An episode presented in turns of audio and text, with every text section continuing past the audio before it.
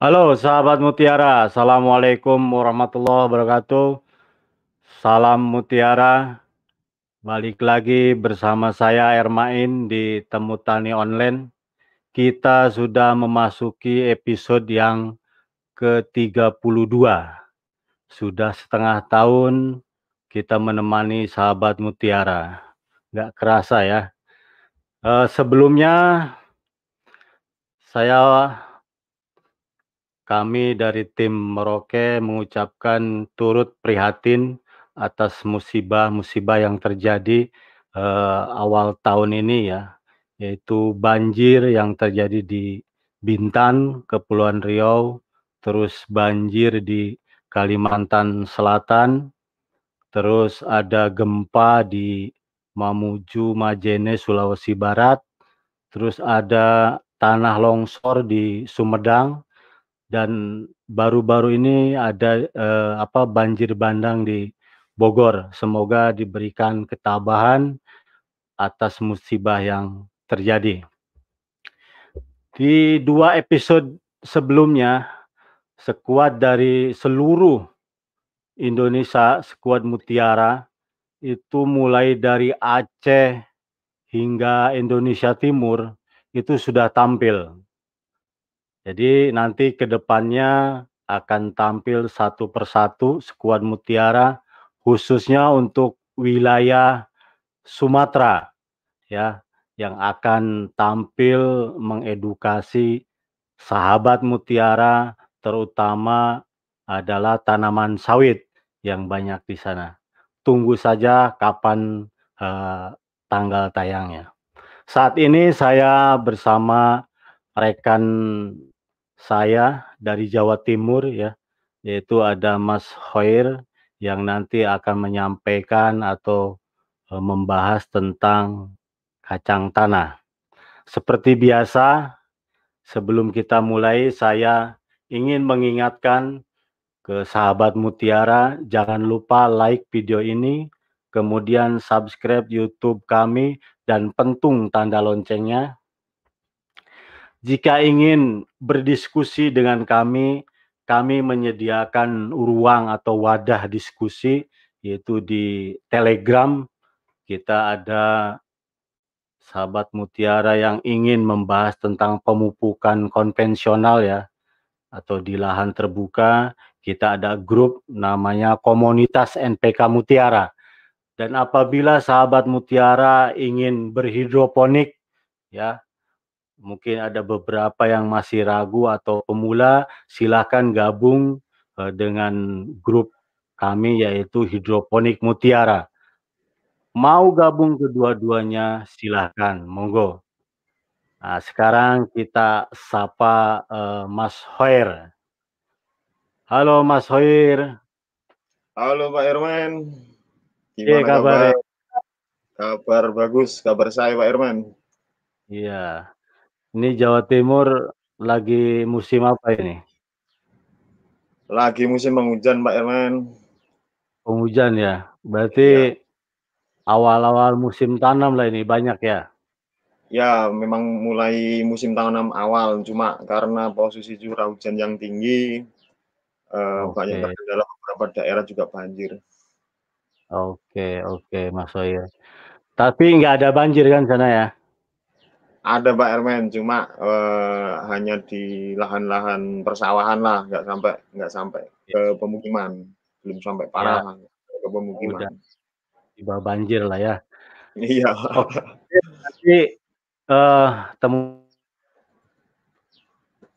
tani ini kita ada dua sesi ya. Nanti uh, Mas Fair akan menyampaikan mungkin beberapa slide tentang uh, apa kacang tanah ya Nah, nanti kita ada jeda sebentar, terus kita ada menjawab pertanyaan-pertanyaan dari sahabat Mutiara yang lagi mantengin di YouTube atau di Facebook, Mas Her. Nah, untuk uh, menghemat waktu, silahkan Mas Her untuk mempresentasikan uh, tentang kacang tanah. Silahkan Mas Her.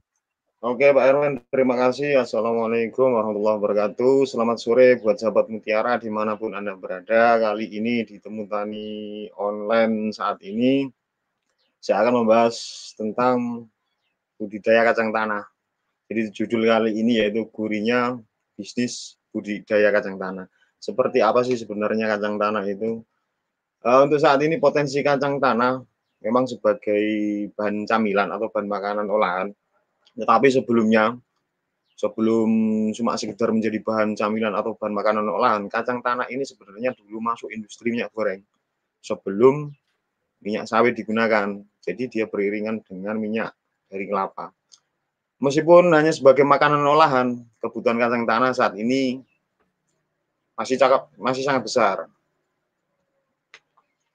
Untuk uh, histori sejarah kacang tanah Eh, sebenarnya bukan dari tanaman asli Indonesia ya. Sahabat mutiara, kacang tanah ini berasal dari benua Amerika, yaitu diperkirakan dari lereng pegunungan Andes di negara-negara Bolivia, Peru, dan Brasilia. Tanaman ini sudah dibudidayakan oleh bangsa Inka dan Maya saat tahun 1500 sebelum Masehi. Nah, di benua Asia, kacang tanah ini mulai ditanam di India dan Cina yaitu diperkirakan sekitar abad 6 sedangkan di Indonesia diperkirakan sekitar abad 12 Rumfius seorang penjelajah Belanda menemukan kacang tanah ini di Maluku pada tahun 1640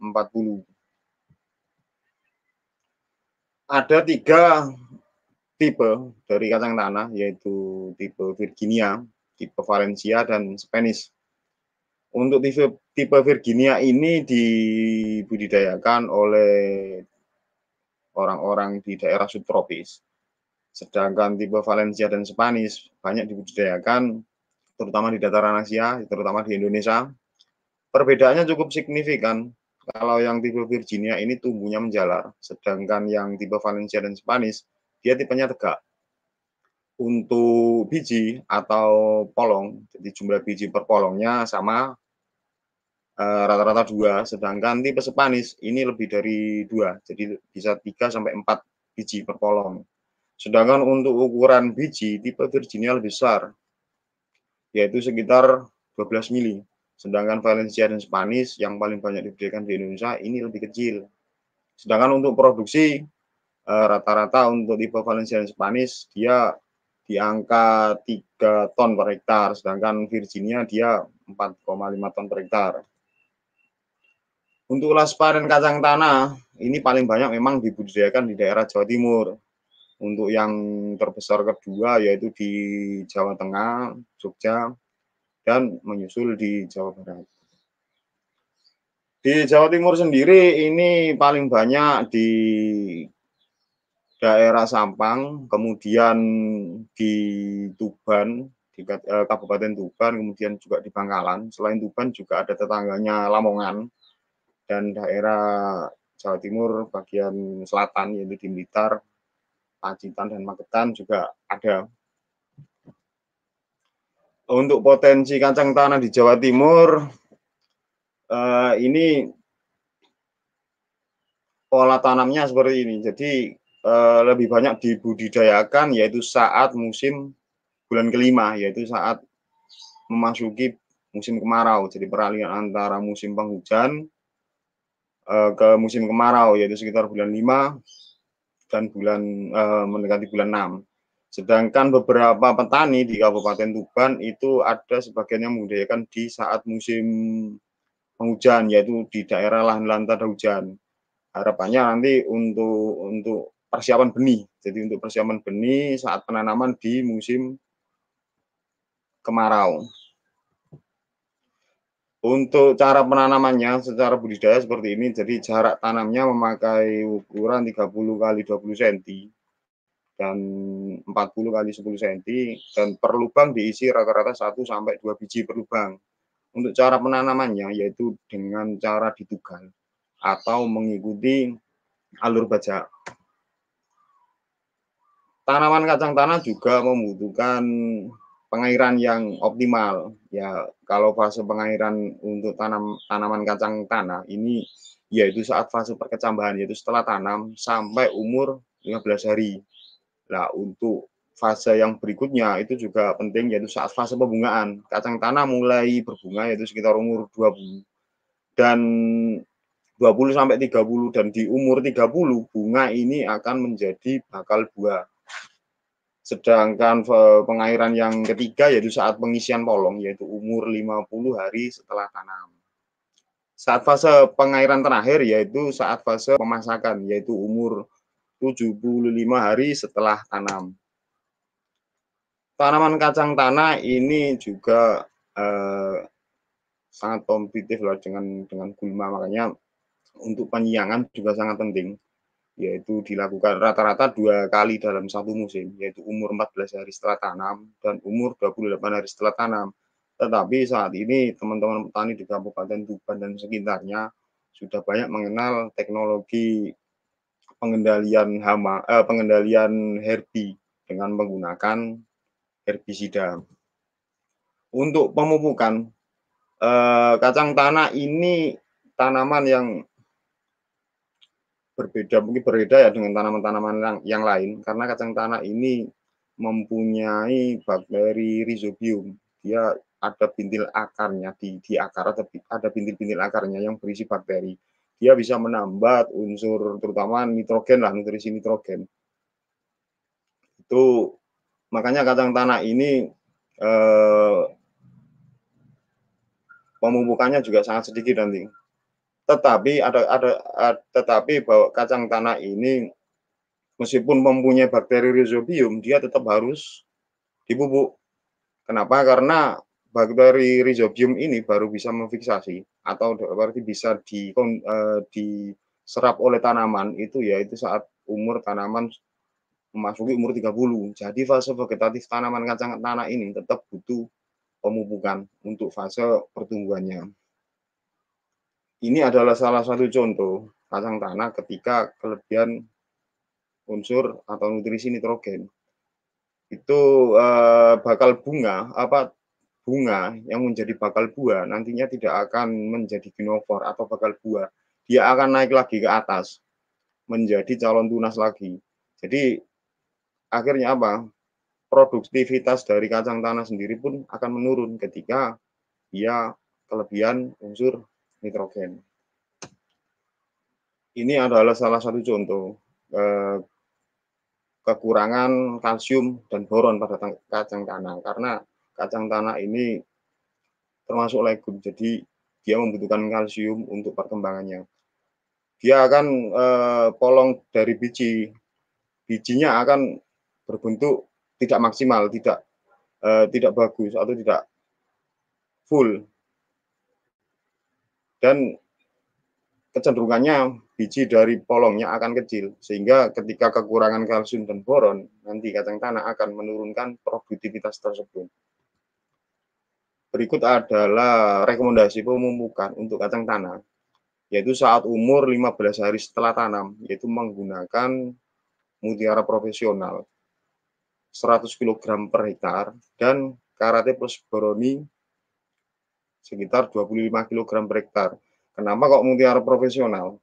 Karena dengan posisi N yang relatif rendah, dia akan mampu memaksimalkan pertumbuhan kacang, kacang tanah dan ditambah dengan karate plus boroni sekitar 25 kg dengan kandungan kalsium yang tinggi, dia akan membantu pertunasan tunas daun maupun tunas calon untuk menjadi ginofor. Dan ditambah dengan kandungan boron yang ada di karate plus boroni nanti akan memaksimalkan juga bentuk dari polong kacang tanah. Untuk pemupukan kedua kita lakukan saat umur 35 hari setelah tanam yaitu menggunakan profesional juga 100 kg per hektar dan plus boron ini juga sama sekitar 25 kg per hektar. Jadi nanti total per hektar sangat kecil sekali. 200 kg mutiara profesional dan 50 kg plus boroni. Kenapa kok mutiara profesional ini juga masuk ketika fase pemupukan kedua? karena dengan kandungan P dan K yang tinggi akan memaksimalkan jadi memaksimalkan potensi produksi tanaman kacang tanah sehingga nanti ketika ketika panen dia akan mampu meningkatkan rendemen dari kacang tanah tersebut. Untuk pupuk foliar, karena tanaman kacang tanah tidak hanya membutuhkan unsur NP dan KM, jadi Merauke Tetap Jaya juga mempunyai pupuk foliar untuk kacang tanah, yaitu series profit untuk posisi pupuk, pupuk semprot atau foliar pertama menggunakan profit hijau. Kenapa kok profit hijau? Dengan kandungan N yang tinggi akan membantu pertumbuhan tanaman lebih maksimal dan seragam dan ditambah dengan unsur mikro yang ada di profit hijau. Untuk fase berikutnya, peralihan antara vegetatif ke generatif juga ada profit merah dengan kandungan P yang tinggi sehingga nanti akan memaksimalkan potensi bunga menjadi bakal buah atau ginofor itu akan lebih tinggi. Sedangkan untuk fase generatif eh, ada profit oren yang punya kandungan kalium yang tinggi dan juga ditambah dengan profit maksi yang punya kandungan fosfor dan kalium yang tinggi. Keempat series profit ini uh, mempunyai unsur mikro yang tinggi, jadi sesuai dengan kebutuhan kacang tanah. Berikut adalah beberapa foto yang uh, kita uji coba bersama dengan teman-teman sahabat-sahabat mutiara petani di sahabat-sahabat mutiara di. Yang sebelah kiri uh, kita menggunakan profesional dan karate boron, sedangkan yang sebelah kanan kontrol. Ada sedikit uh, ada beberapa perbedaan. Untuk yang kontrol kita lihat bahwa daun yang sudah tua dia kecenderungannya lebih cepat untuk kering, sedangkan yang kita gunakan dengan mutiara profesional dan Karaticulus boroni, daun yang tua itu masih terlihat segar. Jadi keuntungannya apa sih sebenarnya e, dengan posisi daun tua yang masih sehat dan segar dan masih bagus? Pengisian polong akan lebih sempurna. Jadi nanti hubungannya dengan potensi produktivitas sehingga e, rendemen dari kacang tanah tersebut pasti akan meningkat. Ini adalah salah satu contoh polong yang kita aplikasikan dengan karate plus boron dan mutiara profesional. Ada banyak perbedaan secara produktivitas juga ada, secara uh, berat juga ada, dan yang paling signifikan adalah karena kacang tanah ini dipanen dalam bentuk polong, jadi sesama sama uh, dibutuhkan oleh produsen pengolah makanan itu pasti sama sama kulitnya.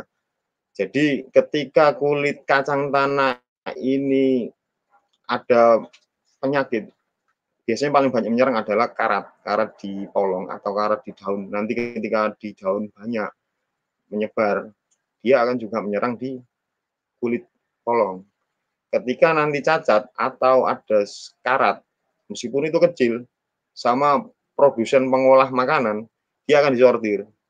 Jadi pasti akan merugikan bagi petani, bagi sahabat-sahabat mutiara ketika itu terjadi.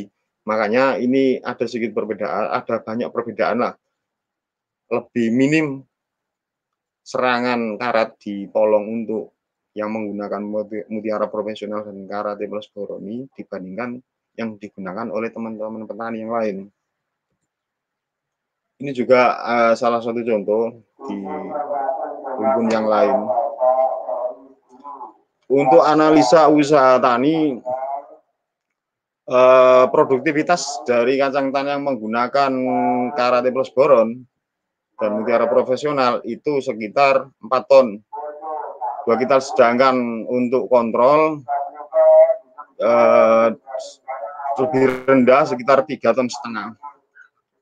Dengan delta produksi sekitar 7 kintal. Untuk biaya impas produksi untuk mengganti kelebihan total biaya pupuk itu sekitar 212 kilo atau 2 kintal 12 atau 2 kintal lah untuk untuk mengganti eh, kelebihan biaya pupuk. Demikian informasi yang bisa saya sampaikan Pak Irman dan sahabat-sahabat Mutiara yang ada di mana pun. Barangkali nanti setelah ini kita bisa berdiskusi bersama. Terima kasih. Oke, terima kasih Mas Hoir. Udah panjang lebar ya, jelas. Jadi nanti silakan sahabat Mutiara kalau ada komen atau pertanyaan uh, silakan uh, tulis di kolom komentar. Nanti uh, Mas Hoer dengan saya akan bahas satu persatu. Sebelum ke pertanyaan-pertanyaan yang masuk, Mas Hoer, kita akan jeda dulu sebentar ya. Nanti baru kita uh, menjawab pertanyaan-pertanyaan yang masuk. Silahkan. Oke, baik Pak Irman.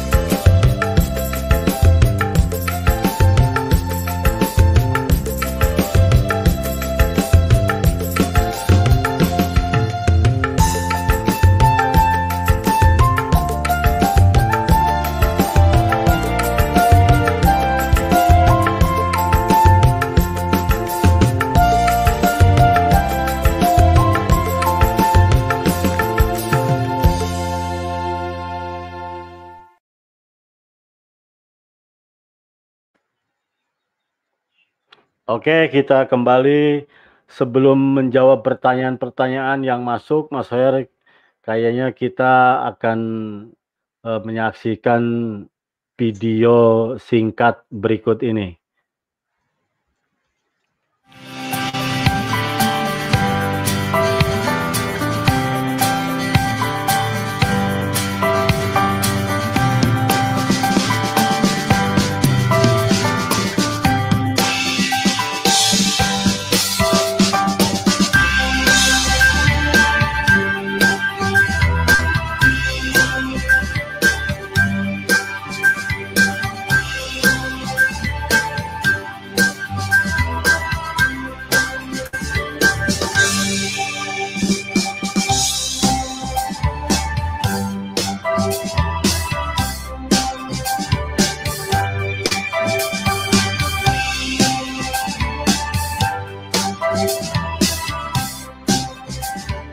Assalamualaikum warahmatullahi wabarakatuh. Waalaikumsalam warahmatullahi wabarakatuh.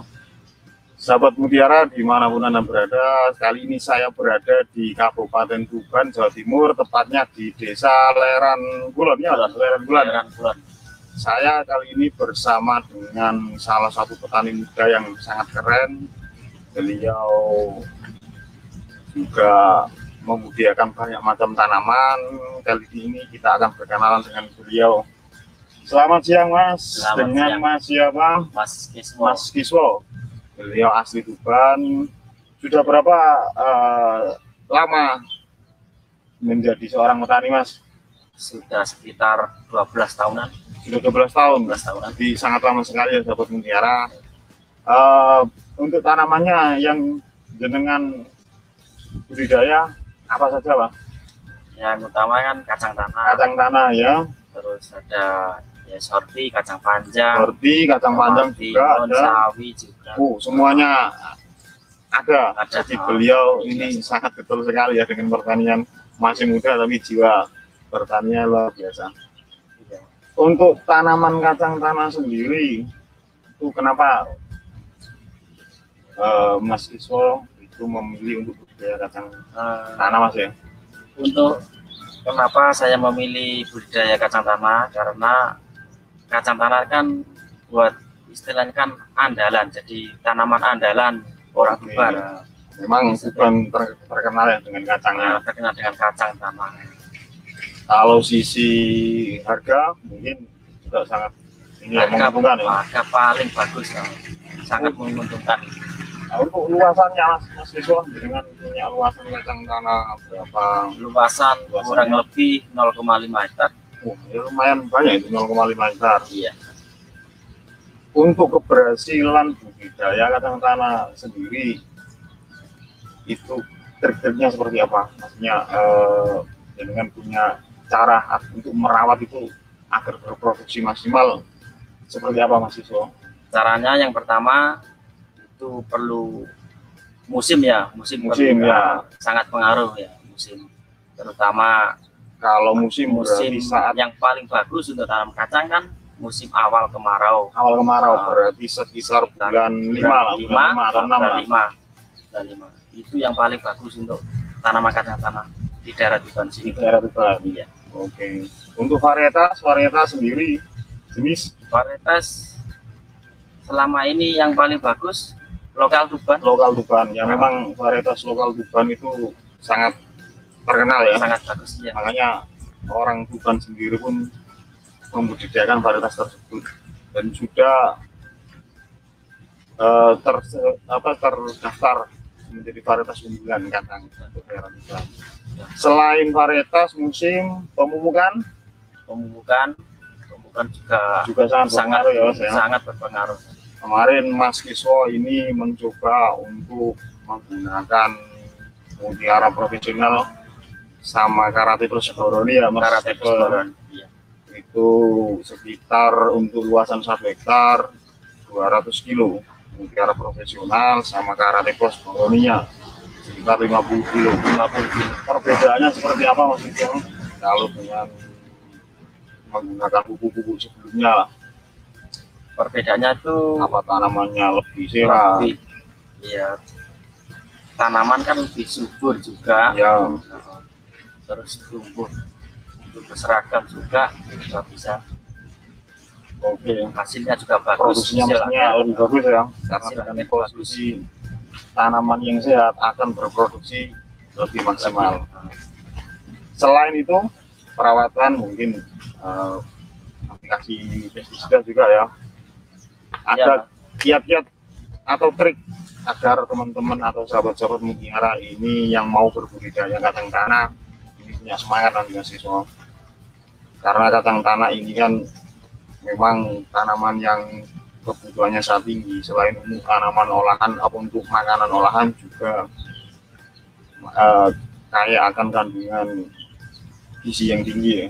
Jadi mungkin ada sahabat-sahabat mutiara yang nanti yang ingin berbudidaya barangkali mahasiswa punya trik mulai dari varietas lah. Varietas tadi sudah disebutkan varietas depan Tuban Triknya yaitu wis pokoknya lihat pertama musim. Ya musim. Nah, yang pertama kan musim, musim. nomor satu musim. Musim terus udah juga gampang. Nah, gampang mas. Udah ya lebih gampang ya dari Lebih gampang, tanaman yang lain lebih gampang, mudah. Jadi umurnya juga pendek. Umurnya juga tiga ya bulan mas ya? Tiga bulan sudah panen. Sudah panen. Hasil juga sangat bagus. Sangat bagus. jadi andalan orang Tuban ya kacang tanah kebutuhan air juga nggak terlalu dan air ya. nggak nggak terlalu banyak. Nah, Oke, pupuknya siap. juga nggak terlalu juga nggak banyak. nggak banyak. Kalau Beda kalau di tanaman jagung ya kan kan pupuk lebih. Tiga kali lipat lah. Tiga kali lipat. Karena kemarin yang dicoba mahasiswa ini kan kalau di total mutiara profesional 200 kilo sama karate 50 kilo. Kan satu tanya cuma ketemu 250 kilo. Sangat sedikit. Sangat sedikit. Sahabat-sahabat oke demikian yang bisa kita obrolkan sama mahasiswa. Semoga sahabat-sahabat mutiara di mana pun berada terinspirasi untuk eh, untuk berbudidaya kacang tanah. Salam mutiara